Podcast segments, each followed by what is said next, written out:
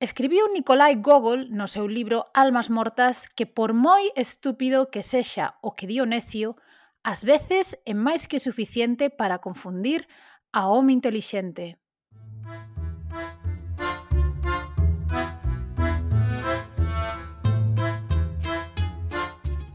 Benvidos e benvidas ao Fora de Mapa, Por fin regresamos coa terceira tempada, desta vez levounos máis tempo do esperado porque entre mortes de raíñas, viaxes de negocio de prazer, traballar, ler libros, etc, etc, pois a verdade é que coincidimos pouco para sentarnos e facer as cousas con xeito e documentarse ben. Pois si non, non nos coincidiu demasiado ben este extenso brau, porque a verdade é que tiñamos contábamos con recomenzar o podcast antes. Pero bueno, a min, como me presta moito documentarme e comerlle unhas pipas, pois para min é un dos maiores placeres que hai na vida e fago iso con gusto. E para que non nos coñeza, eu son María Sabarís, desde Londres. E Eu son Juan Vergara, desde Bruxelas, e isto é a nosa criaturiña, ao fora de mapa, que é un podcast sobre minorías e identidades europeas e do vecindario próximo.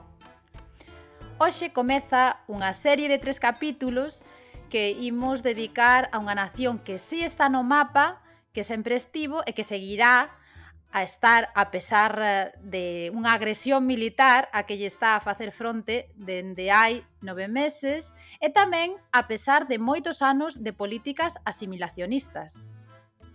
Pois é, imos falar da nación ucraina e de como a pesar do que pensan algúns, pois é un pobo como outro calquera, coa súa historia, lingua, literatura é cunha chea de dramas e traxedias. Eso aí penso que xogar na Champions League todos os dramas e traxedias.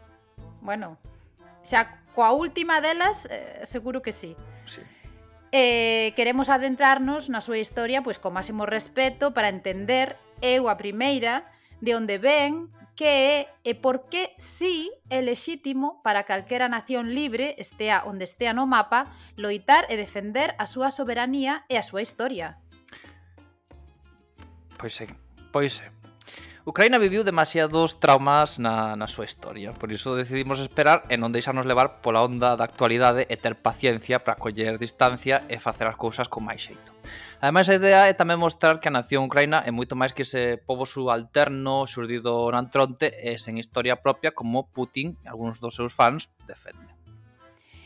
E ben, para que teñades un pouco unha idea de como imos dividir estes tres capítulos, que é un formato novo, pero que decidimos facelo así porque iba a ser moi extenso facelo nun solo e para que quede dividido dun xeito máis ou menos equitativo en termos de tempo, pois vamos facer tres capítulos, o de hoxe, vai versar, digamos, sobre a historia de Ucraína ata o século XVIII-XIX, O seguinte tratará ata a Segunda Guerra Mundial e o terceiro falaremos da posguerra ata hoxe. E neste episodio, ademais, falaremos con Briaxis Fernández, que é un filólogo galego e ucrainófolo que vive en Taiwán e que nos axudará a entender pois, o contexto ucraíno, a súa historia e, e como chegou a estes días Para que non vos perdades a simplificando, neste episodio imos falar, a parte do famoso Rus de Kiev, pois de varios actores principais. E vámonos aquí mencionar para que teñades un pouco a idea de por onde imos ir e para que xa vayades un pouco conceptualizando o, o podcast. Imos falar da Mancomunidade Polaco-Lituana, que é unha superpotencia que xurde coa unión do Reino de Polonia e o Gran Ducado de Lituania. É unha super superpotencia, pero aquí en Europa Occidental pois é un, un estado bastante esquecido ou ignorado. Imos falar tamén do Hanato Tártaro de Crimea, que é un dos estados sucesores do, do Gran Imperio Mongol. Tamén falaremos dos cosacos, que son xente que se instalou nas chairas vacías da Ucraína actual e que desenvolveu unha cultura e organización política e social de seu, Tamén, obviamente, do Gran Ducado de Moscova, que tivo como orixe o Ducado de Vladimir Susdal, e que pois, pasou de ser un territorio periférico do Rus de Kiev a acabar sendo o Imperio Ruso. E obviamente tamén vamos falar da poboación local do Rus de Kiev, que durante todos estes séculos chamúselles rutenos. Agora sí, con eses conceptos ben apuntados, comezamos. Comezamos.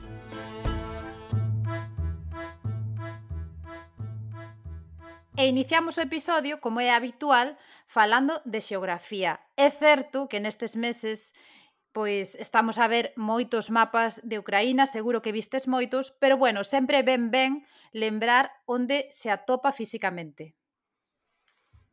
Ucraína é o segundo estado europeo máis extenso despois de Rusia, como xa saberedes, e o tamaño, tendo en conta as fronteiras recoñecidas pola grandísima maioría da comunidade internacional, é un 20% máis grande que o Reino de España. A poboación tamén é parecida á española, cando menos cando non hai unha guerra que obriga a millóns de cidadáns a abandonar o seu país como refuxados. A poboación total antes do comezo da guerra era de 45 millóns de habitantes. E a gran maioría desta poboación é de etnia ucraína, pero como veremos neste episodio, no Estado tamén viven outras etnias como a rusa, a tártara, a búlgara e moitas outras. E obviamente, pois con isto tamén queremos dicir que se falan varios idiomas como xa saberedes, o ucraíno, o ruso e logo uns cantos máis, non só son eses dous. Ucraína ten unha xeografía bastante particular que se caracteriza polas enormes chairas que se estenden por casi todo o territorio a excepción da zona dos Cárpatos no oeste do país e as montañas de Crimea. O territorio conta con marismas e bosques no norte e enormes extensións de campos no centro e sur con grandes ríos como o Bug o Niester e, sobre todo, o Nieper, que cruza o país de norte a sur. E este eixo norte-sur foi o máis relevante a nivel xeográfico, político-cultural e mesmo étnico durante unha chea de séculos, case que ata a actualidade. Ainda que agora sempre se fala de división este a oeste, pois durante moitos, moitos séculos o eixo fundamental foi norte e sur. Ademais, esa xeografía é clave para entender a historia antiga e medieval do país, ou seja, nesa altura o territorio da Ucraína actual pois tiña mm, unhas influencias que chegaban da civilización romana oriental, ou seja, de Constantinopla, eh, tamén do seu imperio da súa igrexa, e xa se chegaban polo sur.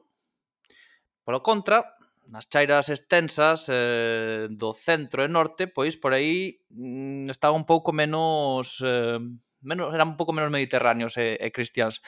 Aí vivía unha chea de povos nómadas, e había existía un río que conectaba o Mar Negro coa vacía do Mar Báltico e pola que pois, había xente que baixaba por ese río abaixo ate o Mar Negro.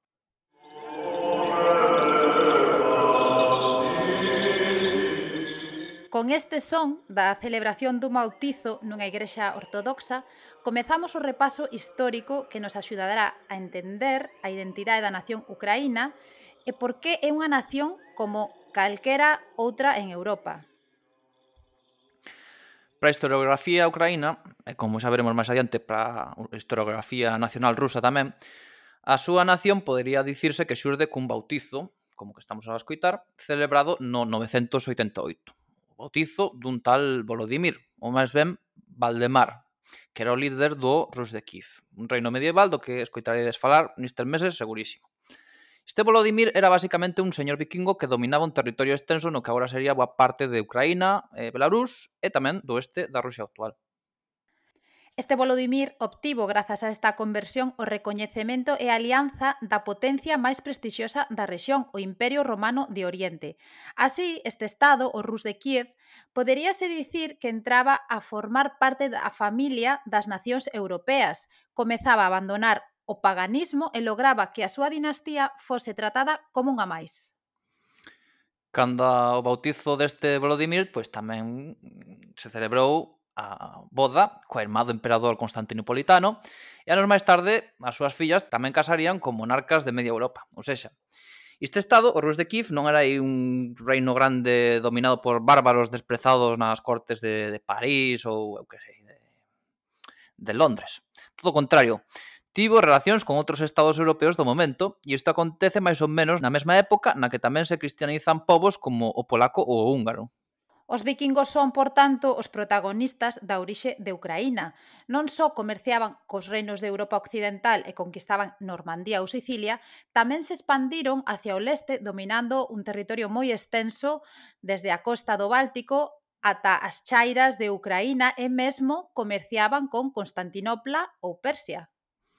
Bueno, comerciaban ou tentaban saquear as costas de Constantinopla ou Persia.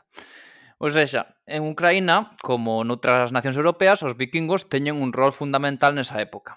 Primeiro comerciando, creando postos comerciais e despois un incipiente reino.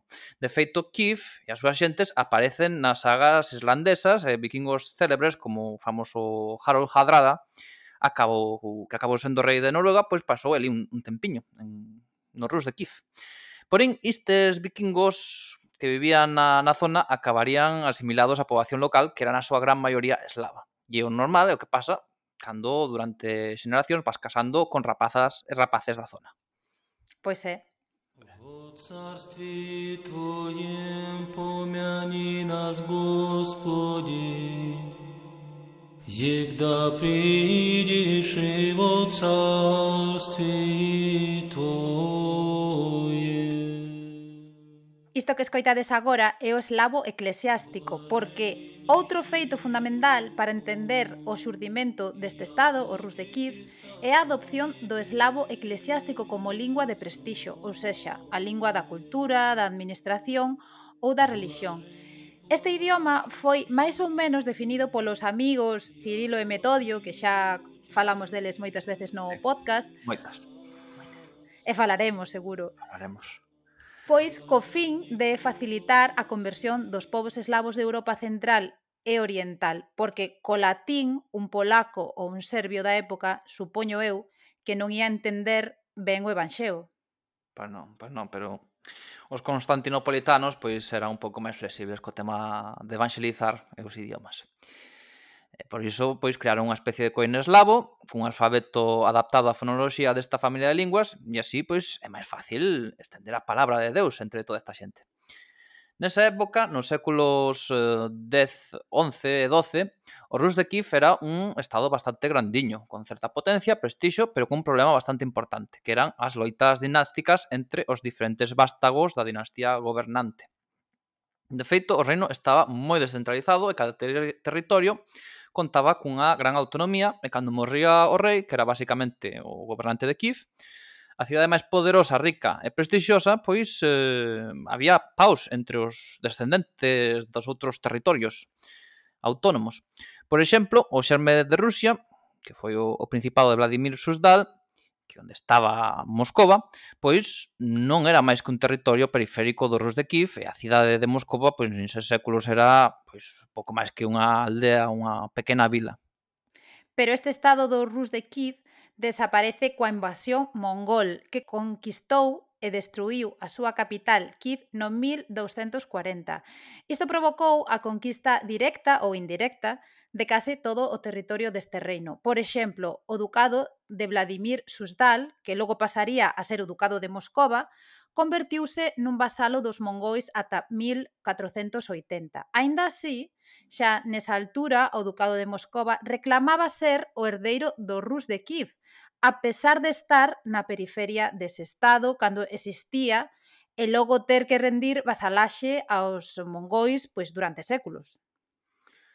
E, bueno, pois, é normal tamén, eh? sempre mola reclamar un título prestixioso e que che dá dereito a conquistar un territorio grandiño porque, joder, eu tamén o faría. É o máis normal do mundo.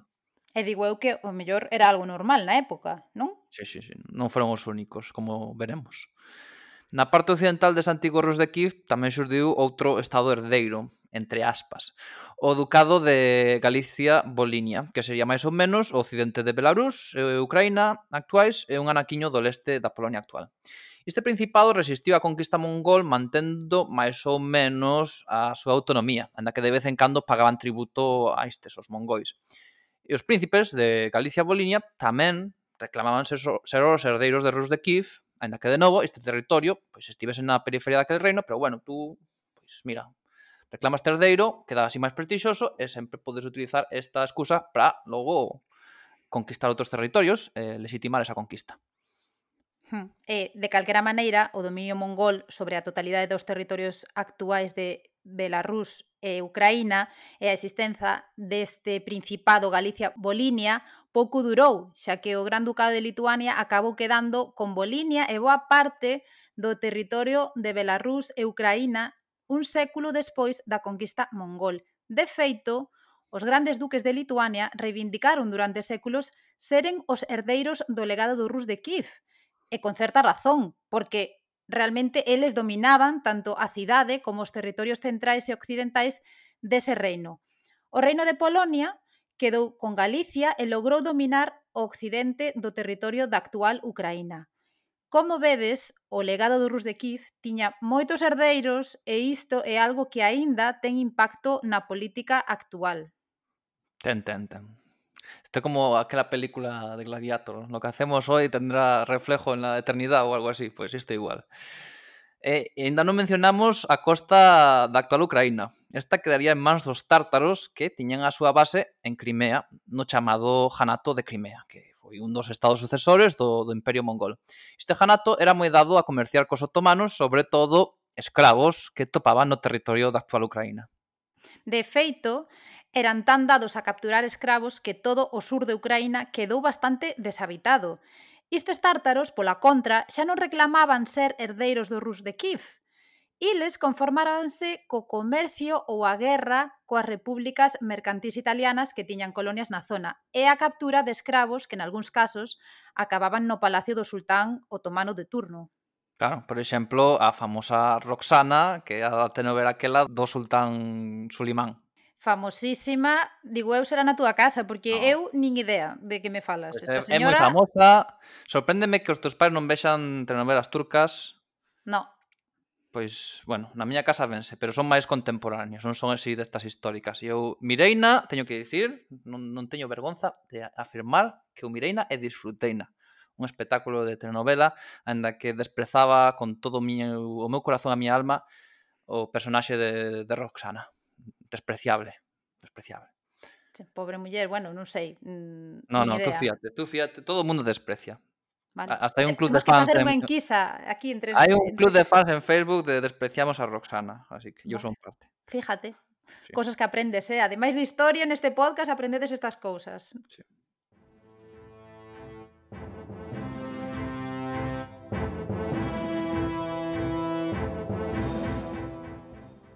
Bueno, xa que vimos de falar de Polonia e Lituania, haberá que falar da súa unión Desde finais do século XIV estes estados compartían líder e, polo tanto, facían deste reino e gran ducado superpotencias regionais. Obviamente, tanto Polonia como Lituania tiñan as súas leis, institucións e a súa nobreza local, pero como dicía o, o Juan Pardo, ou familia Camaño, últimamente, pois xuntas eran máis fortes. De feito, as institucións dos dous estados non compartían a mesma lingua. No reino de Polonia usaban o polaco na corte e no Gran Ducado de Lituania pois unha forma do eslavo eclesiástico non a lingua lituana que só era empregada por labregos e, eh, bueno, por labregos por algúns, por labregos da zona de Lituania actual e tamén pola nobreza máis baixa desa zona. E xa que mencionamos a nobreza, pois esta mancomunidade tamén integrou o que quedaba da nobreza dos Rus de Kif, ou seja, a nobreza rutena, que pasou a ser súbdita destes dous estados. Esa monarquía dual que gobernaba tanto en Polonia como en Lituania e que abranguía desde o Báltico ata as chairas de Ucraína e Belarús, acabou por evoluir ata unha república aristocrática en 1569. Así, coa chamada Unión de Lublin, fundábase a mancomunidade polaco-lituana. E se ides por Polonia, pois pasalle por ali, por Lublin, que é unha cidade moi encantadora. Eh, Botei ali dous ou tres días Ostra, pois mira, xusto neste mes, hai seis anos. Moi bonita. Fai frío, eso sí. Así que debe ben vestidos e idos no inverno. Esta mancomunidade xurde por unha razón típica da época, que era convencer os nobres para obter maiores recursos para loitar nunha guerra. E esta república aristocrática pois tiña un, un rei electo por unha moi numerosa e poderosa nobreza de miles de membros capaz de limitar os poderes do monarca e impoñer a vontade desta clase social. Ademais, contaba cun Parlamento composto por estes nobres, e non elixido, obviamente, no que se tomaban decisións claves como aprobar impostos, armar exércitos, etc. Esta mancomunidade polaco-lituana estaba moi descentralizada, tiña institucións e leis diferentes para cada parte desta, ou seja, para o Reino de Polonia e para o Gran Ducado de Lituania. E a aristocracia tanto dunha como doutra, era bastante potente até o punto de teren os, bueno, non todos, pero bastantes aristócratas tiñan os seus exércitos privados. Con esta unión, ademais, establecíase unha nova fronteira entre Polonia e Lituania que outorgaba os territorios da actual Ucraína a Polonia, por tanto, baixo o dominio da lei e institucións polacas dentro desta mancomunidade, e esa división é a orixe da fronteira actual entre Belarus e Ucraína. Este estado da mancomunidade tiña unhas institucións educativas con prestixio, unha vida cultural xeitosa e estaba no medio de importantes redes comerciais. Xurde esta mancomunidade no que se considera a idade de ouro de Polonia. E claro, todo isto atraeu a unha chea de homes de letras, ciencias e arte. Por exemplo, se lleides pola zona, veredes moitas obras que son bastante están bastante influenciadas pola arte renacentista e barroca italianas porque moitas veces gran parte da corte do rei de turno pois era desta orixe. E se non pois o aristócrata de turno pois mandaba aí contratar un arquitecto italiano ou do occidente, e por eso hai unha chea de igrexas, mosteiros, etcétera, de de tipo barroco, tanto en Polonia como en Lituania, como na Ucraina actual. Ademais, a mancomunidade polaco-lituana foi moi liberal no ámbito relixioso e así acabarían nos seus territorios unha chea de xudeus que toparon nestas terras un refuxo das políticas antisemitas que se estendían por Europa Occidental. E a finais do século XVI xurde unha institución relixiosa moi importante na historia de Ucraína, a Igrexa Greco-Católica, ou sexa, unha igrexa que, aínda que mantiña o rito ortodoxo e o uso do eslavo eclesiástico na liturxia, aceptaba a primacía do Papa de Roma. Obviamente, non todas as dióceses da actual Ucraína aceptaron esa nova igrexa e houve unha especie de cisma entre os que mantiveron os que se mantiveron fiéis á ortodoxia de toda a vida e estes novos ortodoxos a la romana. E ademais disto, o país tamén se encheu de protestantes como moitos escoceses ou neerlandeses e algúns musulmáns como os tártaros que formaban parte da cabelería do exército do monarca. E moitos acabaron asentados nas chairas ucraínas, que serían explotadas pola nobreza rutena e sobre todo polaca dunha maneira bastante colonial. Un 2% da poboación controlaba case toda a terra e sacaban, pois, como imaginaredes, bo proveito dela. Pois, sacaba moito porque é unha das terras máis fértiles do mundo. E ben, falamos da xente que chegou ao territorio da actual Ucraína nos séculos XV e XVI, pero que foi da xente que xa vivía ali desde os séculos anteriores? Pois seguiron ali, sendo súditos destes aristócratas. E que falaba o común dos mortais? Ou seja, labregos, artesáns e tal? Pois usaban as falas locais, que eran pois o ucraíno ou o proto-ucraíno, se queredes. Era un idioma que ainda non estaba codificado daquela, pero que, bueno, pois é obvio que xa existía. Ademais, mantiñan a súa fe ortodoxa ou integrábanse nesa igrexa greco-católica con primacía do, do Papa que mencionamos. E os que tiñan certo nivel educativo pois empregaban o polaco ou o eslavo eclesiástico que aínda era a lingua de prestixio nos centros religiosos, aínda era polo menos a lingua na que se escribían moitas, moitas obras. Como xa dixemos, había tolerancia religiosa, pero seguramente a moitos destes rutenos, tanto da plebe como da aristocracia local, non lles prestaba gran cousa ou ou nada a dominación do Estado por parte dunha nobreza maioritariamente católica e polaca ou polonizada. Imagino que non. non esas cousas non prestan habitualmente. A menos que sexa xa moi colonizado demais. Nesta altura, a que, a que estaba Rusia? Que facía Rusia? Pois Rusia nesa altura, como tal, non existía. Nos séculos XV e XVI aínda seguía a ser o Gran Ducado de Moscova, pero pero xa comezaba a expandirse e a enxergar unha ideoloxía e historiografía coa que reivindicarse como a lexítima herdeira pois non só do, do Rus de Kiev, senón tamén de Constantinopla e a terceira Roma, non? Primeira Roma, a Roma de toda a vida, a segunda Roma, Constantinopla, e a terceira Roma, Moscova, pois porque sí. E por tanto, reivindicarse como líder de todo o mundo ortodoxo, especialmente coa caída de Constantinopla, na que os, o Imperio Turco, o Imperio Otomano, pois domina a, o centro máis importante do mundo ortodoxo. Pois aí pasa a ser Moscova nese momento. E, bueno, pois fan iso, pois, porque xa que creas os mitos, cos que reivindicar cousas, pois está mellor facelo aí o grande. O sea, xa, así a terceira Roma, e, bueno, xa é o centro da ortodoxia mundial e xa podes, xa non só reivindicar conquistar toda a zona de alrededor, e xa o referente dos ortodoxos, sino tamén, pois, reclamar a reconquista do Imperio Romano do Oriente.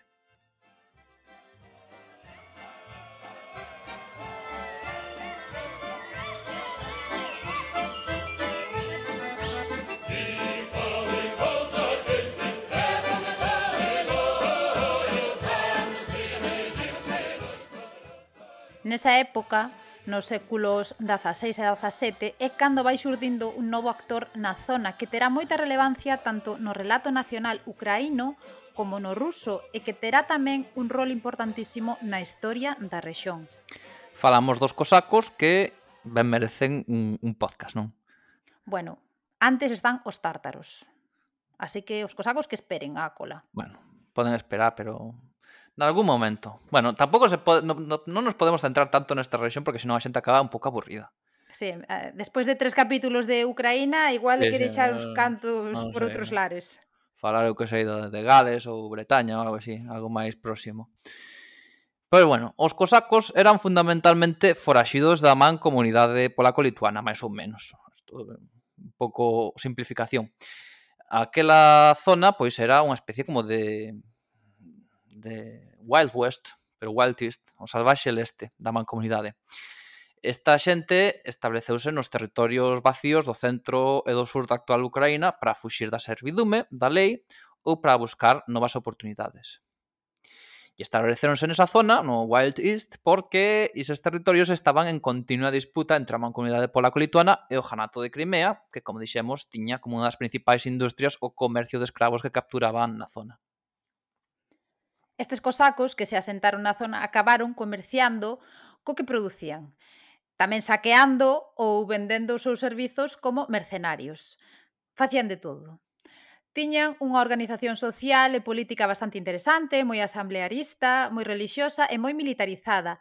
E non vos pensedes que eran todos uns borrachuzos salvaxes ou xente así perdida. Moitos dos seus líderes tiñan unha boa educación nas universidades e centros escolásticos da rexión.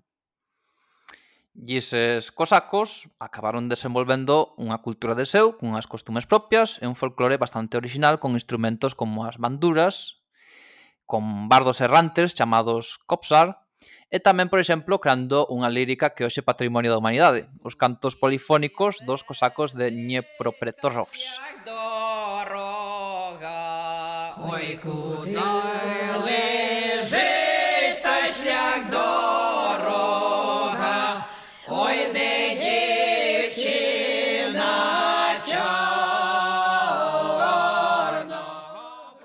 E mentre os cosacos ían gañando poder nesas zonas periféricas da mancomunidade polaco-lituana, Kiev convertíase nun centro relixioso e cultural de primeiro orde. No século XVII, Kiev, que fora destruída polos mongois catro séculos antes, volve recuperar o prestixio, poboación e importancia que tiña Antano, Sí, por exemplo, nesa época fundase a Academia de Kiev, que sería a institución educativa máis importante do mundo ortodoxo e onde desenvolven a súa obra intelectuais como Petro Simeonovich eh, Mojilva, que despois este señor deulle o nome á institución sucesora desta academia, que é a Universidade Kiev Mojilva. Tamén nesa época Kiev convertese no lugar onde se publican gran parte dos textos en eslavo eclesiástico e especialmente sobre a doutrina ortodoxa, Era unha doutrina que sería reformada e renovada en Kiev e que despois estendería ao Gran Ducado de Moscova. Estas reformas religiosas provocaron unha importante crise religiosa neste Gran Ducado de Moscova porque parte da poboación non estaba moi conforme con esas reformas que eran demasiado modernas e vindas de fora, entón pois houve unha serie de disturbios, pelexas e paus, e incluso se xenerou unha especie como de minoría religiosa que son os vellos crentes que teñen diferentes nomes dependendo da zona lipobanes e tal. Isto tamén merece un podcast. A ver, non vamos dar abasto con, con, con tanto podcast. Bueno, bueno. E ti non queres falar desta zona máis, pois estás no, dando, no, bueno. dando ideas. Durante uns mesiños, pero en algún momento. Co que tardamos en facer tempada e tempada, vai, igual pa dentro de tres tempadas, volvemos bueno, bueno. falar deles. Bueno, Con isto tamén hai que subliñar non só que no territorio da actual Ucraína andaban, como no resto de Europa, con discusións e reformas religiosas nesa altura, senón que tamén Kiev e os seus escolásticos tiñan o prestixio e eran o suficientemente numerosos como para influenciar ao estado veciño do Gran Ducado de Moscova, que era a nivel cultural, educativo e burocrático algo máis atrasado. Este atraso do Gran Ducado de Moscova tamén se pode ver a nivel político, porque dunha banda temos aí unha república na que o rei era elixido pola nobreza, que chegou a representar un 10% da poboación total aí. Mira que eran che bastantes. Non eran aí 10, 15 nobres, eran unha animalada diles. E este monarca de turno pois tiña que respetar unha serie de leis e había unhas institucións moi fortes. O sea, non era aí o, o monarca mandaba e todos obedecer.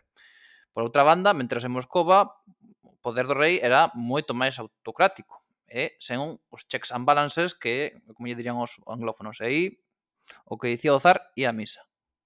No século XVII, a nobreza rutena e unha pequena parte dos cosacos estaban algo integrados no sistema da mancomunidade. Ou sexa, algúns formaban parte do exército e administración e uns poucos tiñan un estatus eh, bastante privilexiado.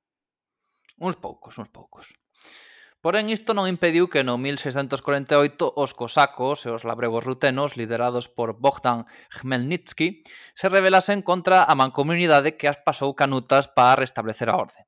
Ademais, o pouco de estalar esta rebelión, pois o país sufriu unha invasión sueca, que nese momento pois Suecia era unha superpotencia cun exército imparable, que ocupou case toda a mancomunidade.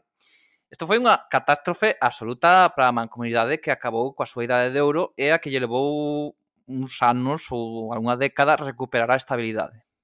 Sí, foi un período moi tráxico, xa que os cosacos atacaron e masacraron a esta nobreza católica polaca ou polonizada e unha chea de xudeus que eran vistos como os axentes desa nobreza polaca.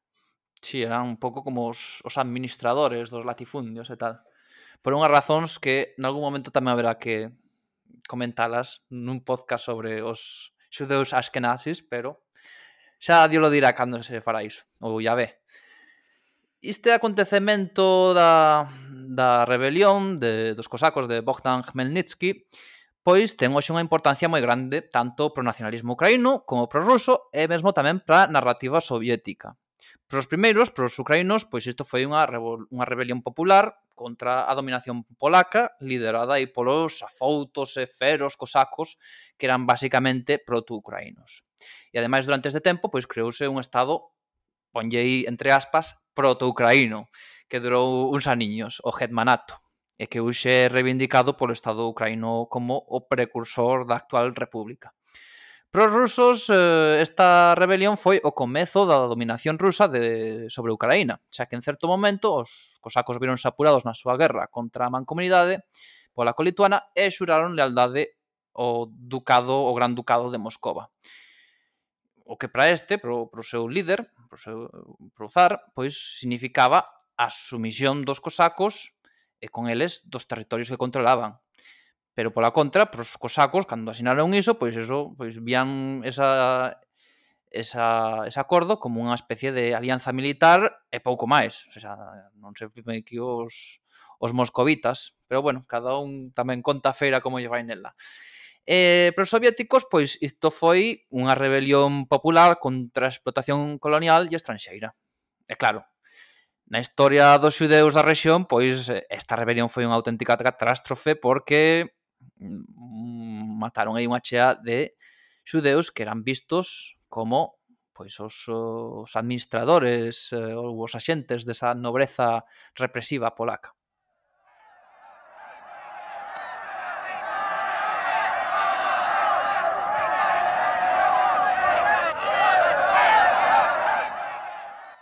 Esa época, mediados e finais do século XVII, é bastante complexa, Moitos conflitos entre os cosacos, a má comunidade polaca lituana, Moscova e os tártaros de Crimea. Por exemplo, en certa altura, os cosacos tentaron rachar con Rusia e pactar co Imperio Otomano para se librar pois dese dominio e tamén pactaron coa mancomunidade a creación dun ducado de Rutenia no territorio central da Ucraína e parte de Belarus que suporía engadir unha nova pata á mesa da mancomunidade, ou sexa, unha especie de federación Polonia-Lituania-Rutena. Algo así, algo así. A verdade é que esa, esa, esas décadas foron moi moi moi loucas, é eh, imposible falar sobre isto nun podcast porque houve tantos cambios e eh, os coitados cosacos buscaban aliarse eh, con calquera veciño que lles fixese algo de causo para se liberaren, pero nada, ao final sempre saiu todo mal para iles. E para a nobreza rutena, porque non se levou a cabo esta esta federación ou mancomunidade con tres patas, se queres chamar así. Ao final, o, o Gran Ducado de Moscova e eh, a mancomunidade polacolitana acabaron co poder dos cosacos, a base de, de guerras e represión, e estes quedaron moito máis mansiños e sen estado de seu. O que así sucedeu foi que o Gran Ducado de Moscova acabou por controlar máis territorios no leste da actual Ucraína e tamén a propia Kiev que pasaría a converterse en 1686 na cidade máis importante de, deste Gran Ducado a nivel relixioso, cultural e educativo. Porque este estado, a ese momento, era fundamentalmente asiático. O sea, a capital Moscova, vale, estaba en Europa, pero nese, nesa, nese momento cando o Gran Ducado de Moscova conquista Kiev ou faise con Kiev pois as súas fronteiras achegaban o Pacífico ou incluso Alaska. Ou seja, o Gran Ducado de Moscova chega antes ás, ás costas do Pacífico ou Alaska que a Kiev. Así que imaginadevos. Esta conquista de Kiev polo Gran Ducado de Moscova é clave desde o punto de vista relixioso e tamén político, porque se reforza esa ideoloxía imperial da que falábamos hai un pouco, ou sexa, Moscova é a terceira Roma e a herdeira lexítima do Rus de Kiev, agora con máis razón ao controlar a cidade despois de pasar 350 anos baixo o dominio lituano e polaco, o sea que, digamos, que lexitimaban o seu discurso. Sí, pero bueno, un discurso que un pouco bastante falto de base histórica, Bueno, calquera discurso así do estilo é bastante falto de, de base histórica. Pero bueno, sempre queda ben ese tipo de, de, de argumentos para buscar maneiras para legitimar o teu estado, non? se buscas se, se logras ligar o teu estado do século XVII cun do século XI ou directamente con Roma Constantinopla, pois todo molaba máis. Eu tamén o faría. De feito, pouco, con Pedro I o Grande, ese gran ducado de Moscova pasaría xa a ser denominado Imperio Ruso. E si, sí, o de ruso, Rusia, ven de Rutenia e do rus de Kiev, do que se reclaman herdeiros. O final, ese territorio periférico do Rus de Kiev acabaría dominando a capital e autonomeándose como lexítimo sucesor dese estado medieval. Tamén no ámbito relixioso, xa que o metropolitano de Kiev, a institución eclesiástica, vai ser absorbido por Moscova, que pasará a ser o centro da Igrexa Ortodoxa, cando menos pros eslavos. Sí, remontaron un pouco Kiev cando abriran a Academia Kiev Mojiva, pero aí o, o Imperio Ruso tronzou. Издавна жители юго-западных исторических древнерусских земель называли себя русскими и православными. Так было и до 17 века, когда часть этих территорий воссоединилась с российским государством, и после. Este que escoitastes era Putin, Vladimiro, que está obsesionado con esa herdanza e ten empregado ese feito conquista de Kiev, eh, e herdanza do Rus, como eh, Rusia como a lexítima herdeira, para xustificar certas cousiñas. Pero ben, como comentamos, herdeiros tamén poden ser os lituanos, ou a mancomunidade ou directamente os ucrainos de hoxendía. A fin de contas, isto das herdanzas te máis de política que de historia. E por outra banda, que un señor hai 1100 anos decidirse bautizarse co fin de casar coa filla dun emperador e ter máis oportunidades de networking, pois non determina a legitimidade dun estado ou doutro ou a relación xerárquica ou increbrantablemente eterna entre un pobo e o veciño. E sobre todo non xustifica pois unha guerra a un país soberano. Ou sin soberanía. Ou sin soberanía. Guerras no. Guerras no. Bueno, deixamos atrás o século XVII, coa creación dese novo imperio ruso, entramos no século XVIII, no que imos ver que pasa coa expansión dese novo imperio na zona, coa mancomunidade polaco-lituana e co territorio actual de Ucraína. Comezamos coa expansión de Rusia no sur da Ucraína actual, que era esa parte dominada polo janato tártaro de Crimea durante varios séculos. Estas terras, Crimea, eh, parte da costa actual do Mar Negro e o Mar de Azov, foron conquistadas completamente a finais do século XVIII durante o reinado de Catarina Grande. Despois de conquistaren esas terras, o Imperio Ruso tentou colonizalas, xa que estaban bastante vacías e sen aproveitar, e así trougueron unha chea de romanos, alemáns, xudeus, gregos, albaneses, búlgaros, ademais de ucraínos, claro. Istes, os ucraínos eran a maioría da poboación. Pero, por contra, en Crimea xa a cousa era diferente. Eli vivía a parte máis importante da poboación tártara, a pesar de que moitos fuxiron ou foron expulsados coa conquista. Vendo así, parte desa poboación tártara foi reemplazada con moitos colonos ucraínos e rusos. E con respecto á partición da mancomunidade polaco-lituana e ucraína, Pois pasou algo parecido. A potencia que dominaba estas terras no século XVIII era a mancomunidade polaco-lituana, que estaba completamente paralizada debido á súa propia estrutura política, ou sexa, debido á aristocracia que dominaba a asamblea e que posuía o dereito de vetar calquera decisión e que tiña que ser sempre tomada por consenso de todos os membros, que eran centos e centos e pois xa imaginaredes que non era moi fácil tomar decisións aí. Así que, pois, eh, as potencias da zona gastaban algúns cartiños para manipular a algúns dos aristócratas, pois para que a comunidade non decidise facer nada sustancial. E esa parálise xunto coa descentralización do poder, a falta de autoridade, eh, a falta de recursos do monarca elixido por eses aristócratas acabou por facer da mancomunidade un estado fraquiño. Tan fraquiño que Prusia, o imperio dos Habsburgos, eh, o imperio ruso, decidiron repartilo entre os tres. E así foi. A pesar de certa resistencia, a mancomunidade foi repartida en tres ocasións diferentes entre o 1772 e 1795, como se reparte pois un cake, máis ou menos. Pois sí. Algo así. Corta por aquí, corta por alá. Así toda a parte occidental, o norte e oeste da Polonia actual, quedaba para Prusia, Belarús e o centro da actual Ucraína quedaba para Rusia e o Imperio dos Habsburgos quedaba co occidente da actual Ucraína e o sudeste da actual Polonia, con cidades como Cracovia e Lviv. Por eso, Lviv ou outras cidades ucraínas como Chernovitz teñen ese aire tan austrohúngaro e tan característico. Sí, sí, teñen un aire ben bonito, a verdad.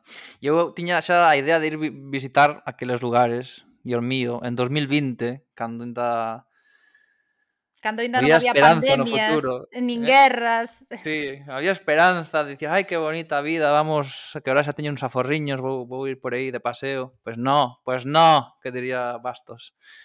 Bueno. Ao final nada. Todo se andará, hai que ser bueno, positivos. Sempre positivo. E así, pois, quedou dividido o territorio actual de, de Ucraína, co centro e leste, incluído a costa do Mar Negro e Crimea dominados polo Imperio Ruso e o occidente polo Imperio dos Habsburgo. Este Imperio dos Habsburgo, como sabedes, era un estado que durante o século XIX pois acabaría por ser moito menos autoritario que o Imperio Ruso e ademais moito máis tolerante a nivel cultural. De feito, aínda que os rutenos ou ucrainos do Imperio dos Habsburgo nesa época non é que contasen cuns dereitos colectivos moi avanzados, pois sí que estaban bastante mellor que na Rusia zarista, onde eran vistos como pequenos rusos que falaban un dialecto pois simpático e cantareiro. Pero ben, diso xa nos fala agora mesmo o noso entrevistado, Briaxis Fernández, un galego de Abegondo, filólogo e ucrainófilo que vive en Taiwán. E do que non imos escoitar toda a entrevista que lle fixemos agora, senón que só imos escoitar a primeira parte. A segunda quedará para o terceiro episodio no que imos centrarnos na historia máis recente de Ucraína que é a que se refire esa parte da entrevista. Ola, Briaxis, benvido a Fora de Mapa. Eh, ben, a primeira pregunta é casi que obrigada. Como acaba un galego vivindo en Taiwán e interesándose tanto por Ucraína? Eh, hola, Juan e María, moitas grazas polo convite. Eh, como acaba un galego vivindo en Taiwán interesándose pola Ucraína. Realmente, os motivos que me levaron a me interesar quer por Taiwán, quer pola Ucraína foron un pouco os mesmos, imagino. Uh, ah, no caso da Ucraína, pois uh, comezou por unha feliz coincidencia que foi que eh, nun momento determinado estaba a estudar eh, na Alemanha eu sempre gostei moito de linguas, entón eh, sempre tivera a idea de aprender algunha lingua eslava Eh, naquel momento coincidiu tamén que fixe moitos amigos ucraínos, non? Porque na Alemanha, particularmente en Múnica, hai unha colonia ucraína bastante importante, unha armada, como din eles, unha comunidade uh, bastante numerosa, e ademais unha cidade que durante moito tempo foi un dos grandes centros da, da migración ucraína, tamén un centro cultural moi importante, non? Era na Guerra Fría, por exemplo, era a, a única cidade do mundo onde había unha universidade que usase o ucraíno como lingua lectiva en todas as aulas, non? A Universidade Libre Ucraína que ainda existe, ademais.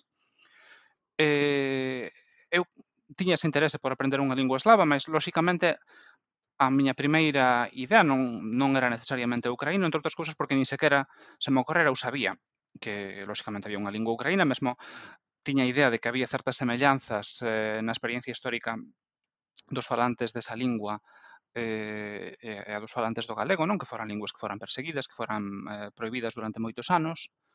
Eh, todo iso sabía principalmente polas ideas eh, moi simples, as pinceladas que fora un pouco eh, que lembraba, por exemplo, de cando fora a Revolución Laranxa, non que tal vez para as persoas da miña xeración foi o, o primeiro momento no que apareceu a Ucraína no, no noso mapa mental, digamos, non? De forma sempre moi simplista, mas lembrábame de que daquela en algúns medios xa se falara desa historia da represión, xa se mencionaban, por exemplo, cousas que para un galego poden ser un pouco familiares, non? Como que durante os debates na televisión un candidato tiña dificultades para, para usar a, a lingua propia do país, non? E outro non. Entón eu tiña esa certa simpatía, mas non se me ocorrera que, que existise a posibilidade de, de aprender esa lingua de forma máis seria, mesmo tendo simpatía por ela, porque, eh, claro, na Galiza non sei como será agora, mas imagino que daquela as únicas linguas eslavas que probablemente eh, se poida cursar nas escolas de idiomas, imagino que serán o, o ruso e o polaco, non? Eh, e mesmo daquela, eu, por exemplo, non, non tiven oportunidade de facelo, mas en Múnich sí que existía esa posibilidade e cando sentiron dicir que eu quería aprender unha lingua eslava, os meus amigos ucranianos preguntaronme por que non comezas polo ucraíno, non? E, e daquela foi cando descubrín que sí, que existía esa posibilidade, que ali había cursos de ucraíno, tamén non apenas nesa Universidade de Ucraína, mas tamén na universidade na que eu estudaba. E, naquel momento, a verdade é que esa simpatía era aínda maior, non? Porque eu falando con eses... Uh, con eses amigos, con moitos deles ainda estou en contacto agora, aliás, uh, pois uh, era imposible non, non sentir polo menos certa curiosidade, non? Porque eles sempre, como, como case todos os ucraínos coñecín despois, uh, sempre falaban da melodiosidade, da musicalidade da lingua ucraína, non? Uh, eh, curiosamente, os que máis incidían nisto eran frecuentemente as persoas que elas mesmas non falaban ucraíno, máis que ao mesmo tempo, xente, por exemplo, de Kiev, non, e de outras cidades que son uh, maioritariamente rusófonas actualmente, moi rusificadas, máis que tiñan un auténtico amor e eh, un auténtico orgullo por esa lingua. Non? Entón, sempre dicían que era a lingua cantareira, espibucha mova, a lingua dos reis señores, solovina mova, eh, a lingua do biburno, non? Desa, eh, ese froito vermello que agora hai unha canción que se tornou moi famosa eh, nos primeiros nas primeiras semanas da, da invasión rusa, non? Que fala do, do biburno vermello, non? Da charvona calina, calinova mova, a lingua do biburno. Eh, moitos contaban tamén unha, o que eu despois cheguei á conclusión de que era unha lenda urbana, mas que tamén prácticamente todos os ucraínos que encontrei despois tamén me repetiron, que era que supostamente eh, no inicio do século XX houve un concurso de musicalidade das linguas e o ucraíno gañou a segunda posición despois do italiano. Eu pesquisei moito, nunca conseguí encontrar ningunha evidencia documental de que iso fose verdade, mas é unha lenda urbana moi moi repetida. Claro, todo isto... Non, non se aplica só ao ucraíno, senón a todos os idiomas. Sí. Porque eh, eh... tamén. Hmm. Pode ser, pode ser. En todo caso, son cousas que, que os ucraínos sempre sempre contaban e que tamén aumentaban un pouco esa, esa miña curiosidade. Um, curiosamente, realmente, esas, uh, es, eses calificativos que se aplicaban tradicionalmente ao ucraíno realmente son moi característicos dunha certa ideoloxía que era a, a oficial, digamos, non a promovida polo Estado na época soviética, non? Porque ao final sempre se incidir nese aspecto estético, dunha lingua riquiña, cantareira, eh, é un pouco esa visión que isto quería dicilo, quería meterlo en algún momento de entrevista porque algo que sempre me fascinou e que sei que prácticamente ninguén o sabe, que polo menos ninguén que eu coñeza, eh, ningún galego que eu coñeza ou moi poucos, eh, que, que esa ideoloxía, o nome oficial que tiña na, na Unión Soviética era bilingüismo armónico, un concerto, un conceito que nen, nun contexto galego asociase moito coa época de Fraga, mas que existía tamén na, na Unión Soviética. Eh, curiosamente, o nome completo era bilingüismo armónico nacional ruso. Eh, no sentido non de que fose nacional da Rusia, senón de entre a lingua nacional de cada república, digamos, non ou de cada autonomía, etc., eh, e o ruso. Non? E obviamente o que significaba na práctica era que a lingua que les chamaban nacional, non? A lingua individual de, de cada povo, de cada etnia, era reservada iso para uns fins máis ou menos folclóricos, decorativos, era riquiña, e para, principalmente para a función máis importante que da cohesión á, á nación política, que é a de lingua de comunicación interétnica, iso ficaba reservado para, para o ruso, non? É moi interesante que se naquela época, durante moitos anos, case todos os ucranianos que encontraba usaban eses epítetos para describir a lingua ucraína, espibucha, cantareira, eh, caldinova, a lingua do Biburno, eh, solovina, a lingua dos reis señores.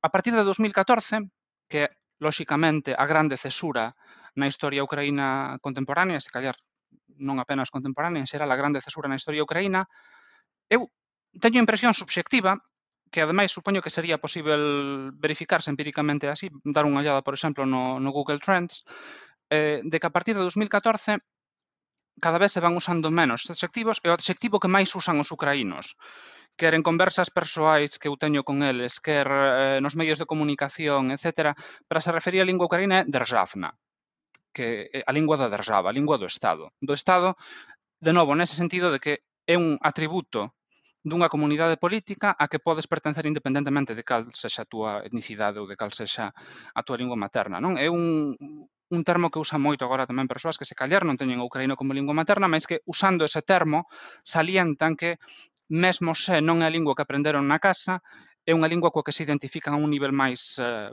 político, eh, máis abstracto, talvez, non? Eh, bon, penso que algúns deses paralelismos coa situación galega penso que se callar xa eh, xa os mencionei un pouco, non? Mm, falei tamén xa da Revolución Laranxa, que talvez despois xa máis máis oportunidades de falar dela, que tamén para min no momento no que tivo lugar eu vi moitas similitudes co, co Nunca Máis, que foi prácticamente ao mesmo tempo, non? Cun movimento da sociedade civil contra un regime que eh, xa era postditatorial, digamos, era democrático na forma, mas que cardaba moitos eh, vicios da, da época autoritaria, non? Eh, eses paralelismos, lóxicamente, tamén moitos deles se encontran no caso de Taiwán. Non? Entón, realmente, os motivos que me levaron a me interesar polos dous países son un, un pouco os mesmos. Non? E digamos que daquela, uh, mentre estaba na Alemanha, o meu interese pola Ucraína foi crecendo ata o punto de que en determinado momento eh, escollín a filoloxía ucraína como a miña especialidade, eh, unha das miñas especialidades, non? Eh, eh, Coñecín a miña muller grazas á lingua ucraína, porque ela é polaca, mas tamén estudaba filoloxía ucraína e coñecémonos nun curso de ucraíno, por iso tamén a, a grande importancia que ten tamén case íntima para min esa lingua, non? Durante moito tempo falábamos entre nós en ucraíno, ás veces ainda o facemos. E, e despois cando me mudei para para Polonia, non, que se dicen que ela era é, polaca, eh comecei a me interesar tamén máis polo caso de Taiwán, non, e estudei tamén ali eh, filoloxía chinesa, non? Mais tamén máis interesándome máis desde, desde o inicio por, por Taiwán, non? Que, que tamén ten unha situación lingüística máis complexa porque teñen máis linguas eh, Bon, a Ucraína ten moitas linguas realmente, máis, máis en todo caso que es que temos na Galiza, máis eh, mm, tamén ten un pasado autoritario recente, tamén é un país que se democratizou aí pouco, non? Entón ten unha serie de eh, cousas semellantes que naquel momento me atraían moito, non? Eh, para dicir a verdade, No caso ucraíno, cada vez eh, gosto menos de salientar ou de enfatizar eses paralelismos, non? Eh, principalmente a partir de 2014, sobre todo desde, desde o 24 de febreiro deste ano. Non? Eu creo que neste momento xa, um, mesmo se mm, os galegos tamén teñen experiencias históricas moi traumáticas, penso que eh, diante do que está a acontecer agora mesmo na Ucraína sería un pouco frívolo non establecer un paralelismo directo, non? Porque bon, o que estamos a ver eu creo que realmente algo que tal vez cando todo rematar, que esperemos que sexa o antes posible, ollaremos para os crimes que se cometeron, non? E para esa eh, tentativa, do meu punto de vista, premeditada de, de, de exterminar o povo ucraíno como tal, eh, como un acto dunha maldade singular, non? Un pouco como se fala eh, do holocausto e destes eh, grandes crimes do século XX. Non? E como neses casos eu creo que daqui a uns anos probablemente ollaremos para estes momentos que por desgraza estamos a viver como para un momento singular no que realmente todos non estamos nunha dicotomía e, e, e temos que, que escoller se preferimos ollar para outro lado ou, ou tentar evitar que se cometan esas atrocidades. Pois pues sí. Eh, e precisamente, pois pues, eh, falando de todo o que está pasando en Ucraína, da guerra, Non sei se tes a sensación de que Ucraína é moi descoñecida en xeral para, para o público, para o público xeral. Non sei por que crees ti que é tan descoñecida. Ás veces nin é tan descoñecida como se podería pensar. Ás veces o que acontece é que se callar sabemos máis da Ucraína do que nos parece. O que pasa é que, debido á apropiación cultural, principalmente por parte do Imperio Ruso, non e eh, actualmente da Federación Rusa, moitas cousas que son polo menos en parte, non? Non, non imos falar tampouco de exclusividade porque obviamente todo, todo isto é sempre complexo, non? E as sociedades eh, están moi mesturadas, os povos, etc. Mas moitas veces percibimos como exclusivamente rusas cousas que se callar teñen moito polo menos moito de, de ucraínas, non? Tanto no caso de eh, da, da cultura, non? De tradicións, non? Todo, eh, non sei, o mito dos cosacos, por exemplo, ou eh, até a comida tamén, non? Eh, pratos como o borsch, eh, figuras importantes da, da cultura, non? Da literatura, como eh, Gogol, non? Que todos coñecemos como un escritor ruso principalmente, non? pouca xente se decata de que realmente era ucraíno, que cando ia pola Europa asinaba como Nicolás de Gogol ucranián, uh -huh. e que e menos aínda son os que saben que, que a pronuncia ucraína do seu nome sería Hohol, non? E, ou non sei, hai moitos máis casos, non? Ou eh, Korolyov, non? O, o pai do programa espacial soviético, non? Que hai, hai uns meses creo que Elon Musk respondeu en ruso a un comentario, supoño que coa axuda dun traductor automático, un comentario do, do xefe da, da, da Xencia Espacial Rusa, que é un nazi, non? un neonazi, participaba en movimentos neonazis, Dimitri Rogozin, non? Eh, respondeu entusiasmado un comentario del sobre sobre Karalyov, non? Eh, cando Korolev realmente era, era ucraíno, en cousa que pouca xente sabe, morreu uh, nunha mesa de operación de operacións como resultado de, nun, durante unha operación moi simples, máis como resultado dun, dunhas secuelas que lle quedaran como resultado das malleiras que, que levara cando estaba preso, non? Ou cando estaba en traballos forzados, non? Uh -huh. E xa que mencionaches o, o mito dos cosacos, eh, que hai de certo nel? Que, que é de certo neste mito que reforza a idea de, dos cosacos como precursor do povo e do Estado ucraíno?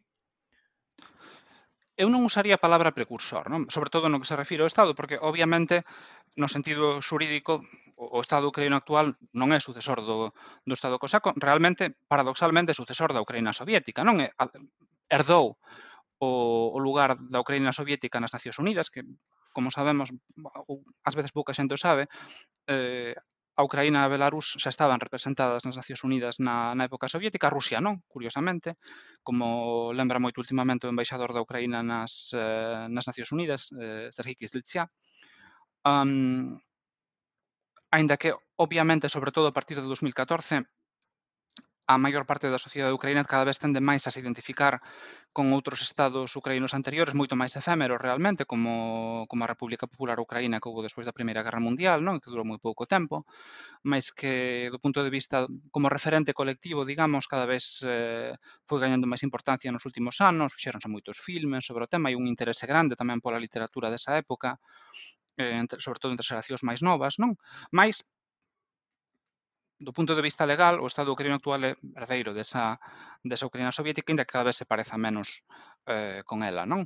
Ora, do punto de vista mental de, da identidade colectiva, eh, os cosacos son si sí, o grande referente, non? Eh, son especialmente a partir do romantismo, non? A partir de Shevchenko, claramente, non? De Taras Shevchenko, poeta nacional ucraíno, mas tamén xa antes de Shevchenko había outros autores que que falaban, apelaban ao mito cosaco, non? A obra inaugural da literatura ucraína moderna, a Eneida é unha versión da, da Eneida de Virxilio máis localizada no contexto dos cosacos, non? Eh, entón, si o grande mito é un mito que ademais ten unhas connotacións para os ucraínos moi positivas, non? Eles perciben uh, o a organización dos cosacos de Saporilla do, de fins do século XVII, da época de Bogdan Khmelnytsky, de Mazepa, de todos os grandes hetmans, non que eran como, como eles chamaban o, mm, o, o xefe político militar dos, dos cosacos, non? Eles eh, veno como unha formación algúns historiadores dirían que estatal, non como unha especie de protoestado ucraíno, digamos, non? Eh, que de moitos puntos de vista era, non tiña relacións internacionais, eh, chegaron a ter xa no final, xa cando prácticamente perderan o control de facto dos, eh, dos seus territorios unha constitución que os ucraínos constan de dicir que foi unha das primeiras da Europa, non? A constitución de Piliporlik, non se chegou a aplicar, mas sí que ten moitos elementos xa dunha constitución moderna, non? Como a separación de poderes, eh, eran ademais unha, unha, tiña unha elite moi culta, non, que promovía a formación de escolas en cidades como Kiev, a construción de igrexas barrocas, non? Mazepa foi o, o grande promotor do barroco nas terras ucraínas. Entón, é un mito que ten unhas connotacións para, para eles moi positivas, um,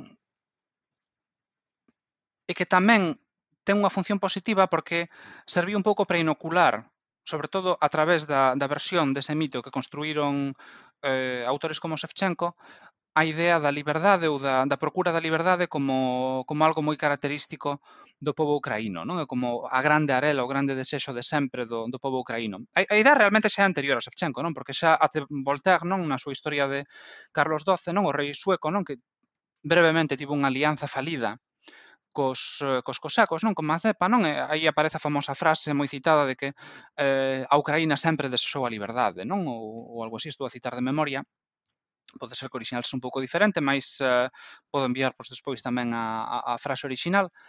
E, entón, ten esas connotacións de que os cosacos estaban a tentar negociar entre esas outras potencias das que eran inimigos, non? E que frecuentemente exercía moita presión sobre eles, por un lado a, a mancomunidade polaco-lituana, por outro lado eh, Moscovia, despois a Rusia, eh, por outro lado o Imperio Otomano, estaban a tentar negociar o seu espazo, non? Para construir algo seu, algo autónomo, por que non independente, non?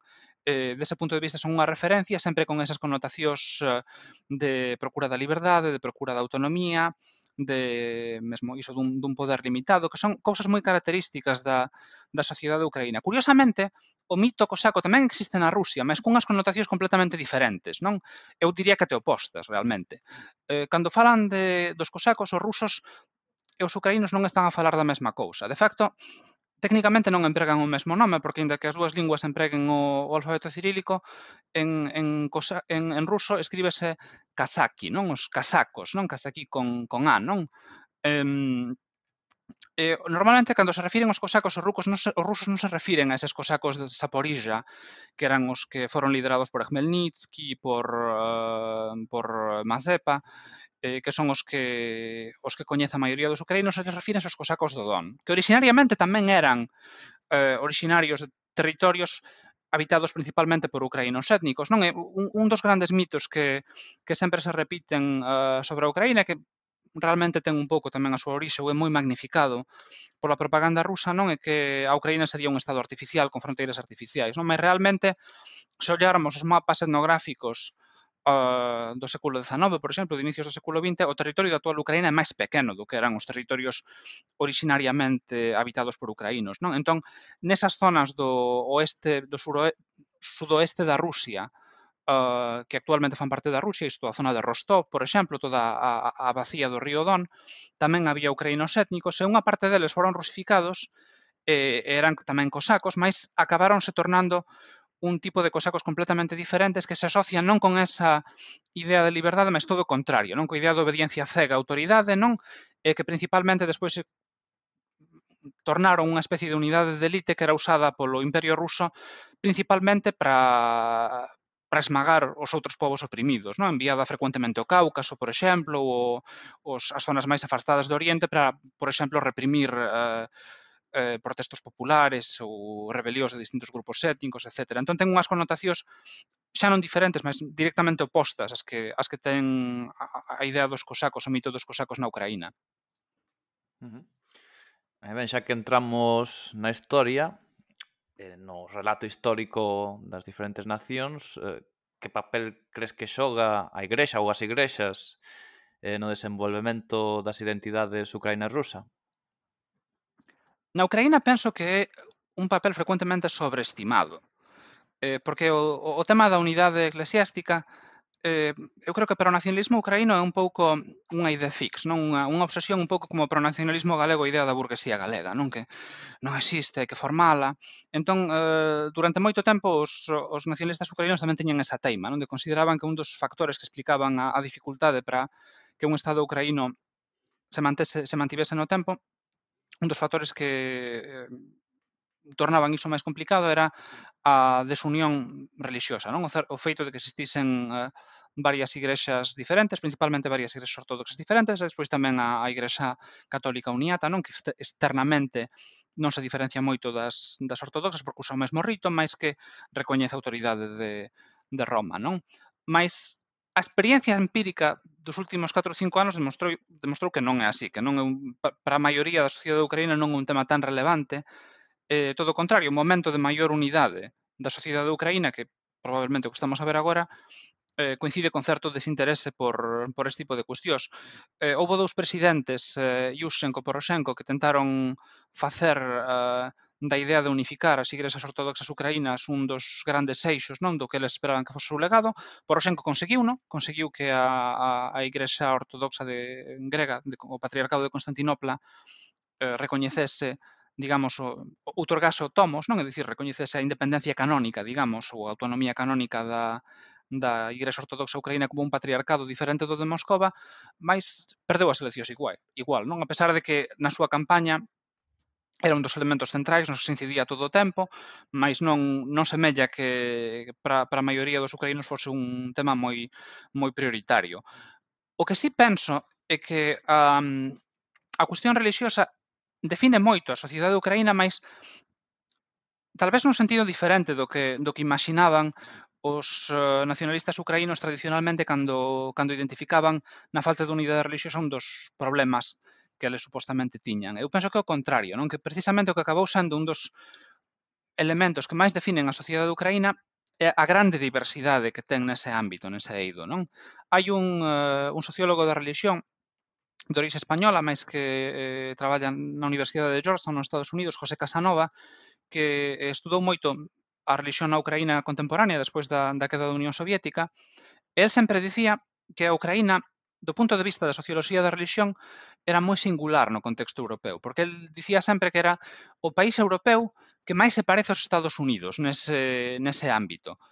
Uh, e el atribuía a que, creo que a expresión que usaba era algo así como que era un mercado religioso aberto, non? Que era un mercado no que as distintas denominacións, como elas chamaban, non? Ou as distintas confesións competían como nun mercado libre, entre aspas, diferentemente do que segundo ela acontecía nos outros países europeus que un pouco herdaran ese sistema vesfaliano, no que obviamente hoxe xa non, non de forma coercitiva como antes, mas, por exemplo, en moitos países europeus o rei continúa a ser o xefe da igrexa, non? nos países protestantes ese tipo de cousa, ou en, ainda que no caso dos países católicos o, o soberano non fose o, a cabeza da igrexa, mas si que había unha, unha alianza entre o poder estatal e o, e o poder eh, eclesiástico que facía que fose difícil dificultaba a vida das minorías. Non? Na Ucraína actual non así, de facto, nos anos 90, por exemplo, eh, e xa neste século, eh, tamén houve un fenómeno moi interesante de, de espallamento de igrexas protestantes tamén, iso a convivencia de varias igrexas, eh, igrexas eh, ortodoxas que ás veces son unha auténtica sopa de letras, non? Aquilo parece un pouco, ás veces lembran un pouco os partidos marxistas minoritarios, non? Que tes o PC, PCR, as igrexas ortodoxas na Ucraína é un pouco mesmo, non? Tes a igrexa ortodoxa ucraína, a igrexa ortodoxa ucraína patriarcado de Moscova, patriarcado de Kiev, tes pois autocéfala, tes autocéfala canónica, que é outra diferente. Eh, realmente a, a sensación é ás veces os propios fregueses se non están moi metidos no asunto, se non se senten moi religiosa, non necesariamente saben a que patriarcado, a que denominación pertence a igrexa que les van todos os domingos. Ou, home, obviamente sabense católica ou ortodoxa, non? Se, porque decatanse, non? Ainda corrito se sexa o mesmo no caso dos uniatas, ben que teñan o retrato do Papa, deducen que debe ser católica, non? Mais se son, por exemplo, do patriarcado de Moscova ou do de Kiev, poden non, non ser conscientes sempre, non? E, e aliás ten tamén Outro elemento que é moi característico desa abertura que existe na Ucraína que que as parroquias poden decidir a que a que mm, denominación pertence, non? E, por exemplo, agora eh, a partir do inicio da, mm, da invasión rusa en grande escala, non? En febreiro deste ano moitas parroquias decidiron pasarse do patriarcado de Moscova ao patriarcado de Kiev. Eh, é interesante tamén que todos estes nomes usámonos desde fora para describilos, non? Mais os propios ucraínos que son fieis, por exemplo, do patriarcado de Moscova, eles non usan esa expresión. Ninguén, nin sequera tampouco os, os tampouco a propia hierarquía non usan a expresión patriarcado de Moscova ou Igrexa Ortodoxa Rusa. Eles denominan a si mesmos a Igrexa Ortodoxa Ucraína e consideranse a si mesmos a Igrexa Ortodoxa Ucraína lexítima, non? Eh, na Rusia. Na Rusia, a verdade é que ás veces faime graza, non? Cando se fala da, da importancia da religión e dos valores tradicionais na, na Rusia, non? Do que hai un discurso de Putin moi famoso de uns anos que despois foi moi citado case sempre para rir, de, para rir del, no que falaba das eh, uh, maralñes criepe, non? Das, uh, os grampos morais ou as costuras morais da sociedade rusa, non? Faime graza porque como case toda a, a propaganda que, que a Rusia eh, emite nestes momentos, non? Um, realmente é, é, é tan irrelevante. A Igrexa Ortodoxa Rusa actual é unha igrexa que sempre estivo moi vencellada ao Estado, que hai mesmo xente que di, son teorías de conspiración que foi creada polo KGB, mas estaba moi relacionada co KGB durante a época soviética, non tiña nada a ver, por exemplo, coa, coa Igrexa Ortodoxa Rusa que existía fora da Rusia, no exilio, que si que era, eh, era da oposición, digamos, non? Eh, é un pouco son a propaganda rusa eu creo que non hai que interpretala no sentido literal, non? E tampouco cando falan deses valores religiosos, non? Cando os discursos do patriarca Cirilo, non? Nos que eh, di, por exemplo, que as persoas que están máis alto na hierarquía do Estado, presidentes, ministros, que como están máis perto de Deus porque están máis alto, están libres de crítica, ese tipo de cousas, non? Non hai que interpretar o sentido literal, eu penso que ninguén na Rusia tenta facer exexese deses discursos, nin dos discursos de Putin tampouco. Eh, a importancia que teñen é performativa, non? Sinalizan, digamos que marcan un ton, eh, marcan unha orientación para para a sociedade, sobre todo para os medios, para os funcionarios, para o exército, etc., mas non ninguén as trata en sentido literal como teiman en tratalas moitas persoas fora da Rusia. Uh -huh. Pois, eh, un pouco tamén neste sentido do que nos contabas, por que crees que mm, tanta xente eh, galega, española e de moitos outros países acepta ou compra os mitos do nacionalismo ruso como os únicos válidos? Por exemplo, esta idea de que Ucraína sempre foi rusa. Tal vez por preguiza, por costume, porque, lóxicamente, um, versión que se estudaba tamén no estranxeiro, non apenas eh, na Galiza ou na España, senón tamén no resto da Europa, da historia desa parte do mundo era filtrada a través do punto de vista de Moscova, non? Até hai pouco tempo, todos os xornais, medios de comunicación que tiñan algunha presenza nesa región, case sempre a persoa que escribía sobre sobre a Ucraína era o correspondente en Moscova, non? Eh, no mellor dos casos, non? Que, ah. que aliás, nin sequera sempre era unha persoa que soubese, non digo xa ucraíno, senón nin sequera ruso, eh, moitas veces con mellor intención eles eh, repetían un pouco o que vían ali, non? Eh, a, o que lían eh, a, a atmosfera moi peculiar desa versión da historia que, que promove o, o Estado ruso. Eh, a maioría dos libros de texto, por exemplo, que se usaban tamén nas universidades eh, estranxeiras de outros países a, sobre a historia da Rusia, de historia da Ucraína, tampouco non había moitos libros fora da Ucraína, non? Eh, entón, lóxicamente, o que se acababa propagando era a visión que tradicionalmente o, estadio, o Estado ruso fixera súa. Non? Que, irónicamente, é unha visión que era uh, na súa orixe realmente unha orixe ucraína, non? Porque esa, esa idea da continuidade desde a Rus de Kiev até, até a dinastía do Romanov realmente é un invento dun grupo de, de monxes e de eclesiásticos ucraínos no, no século XVII, non? dentro dun contexto moi determinado no que procuraba un apoio de Moscova porque eles estaban, iso naquel contexto que falaba antes dos, eh, dos cosacos, non que estaban enfrontados tamén co Polonia, eles tiñan unha relación ao mesmo tempo produtiva porque recibían moitas inspiracións intelectuais que despois tamén inspiraron reformas eclesiásticas que na Ucraína que na Rusia, mas tamén conflitiva cos católicos, non? Entón procuraban esa protección de Moscova e inventaron ese relato, non? Mas que é un relato que obviamente por moi espallado que estea, um, ten, ten moitas eivas, non? E penso que actualmente na, na historiografía máis seria ninguén ninguén acredita nese relato, non? Porque bon, Moscova naceu a final como unha era un, unha cidade que dependía de Kiev, non? Facía parte do ámbito da Rus de Kiev. Pois moitas grazas, Briaxis, polo teu tempo e sobre todo por polo teu coñecemento, eh, por explicar todos estes datos dun xeito tan clariño non sei se foi sempre claro, mas agradecevos moito o convite porque podo vos asegurar que eu sempre desfruto falando da Ucraína. Nótase, nótase. Moitas grazas. Nótase ben. Grazas a vos.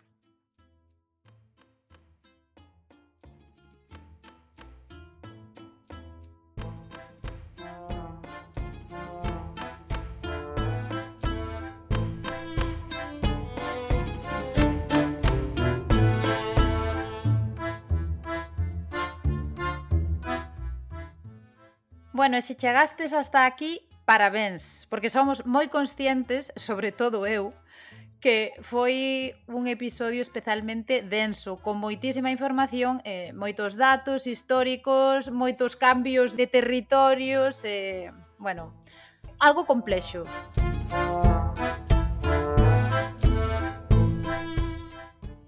Bueno, xa tivemos algún que lle chegaba ben. Pero vos non vos preocupedes que os seguintes episodios sobre Ucraína van ser un pouco máis lixeiriños. Votaremos unhas semaniñas, non se sabe cando ainda, porque a vida está últimamente complicada. Eh, xa sabedes que nos podes seguir nas nosas redes sociais, que temos varias, eh, buscainos por aí, especialmente no Twitter, non? Fora de, arroba fora de mapa. Eh, xa está. Sí, o Instagram, Twitter, Facebook, eh, Moitos. onde queiran. O caso onde é que se necesitan algo, aquí estamos. Aquí estamos, menos no TikTok. no, TikTok no. Bueno, pues nada, a... ata pronto. Eña, do Pobaxena.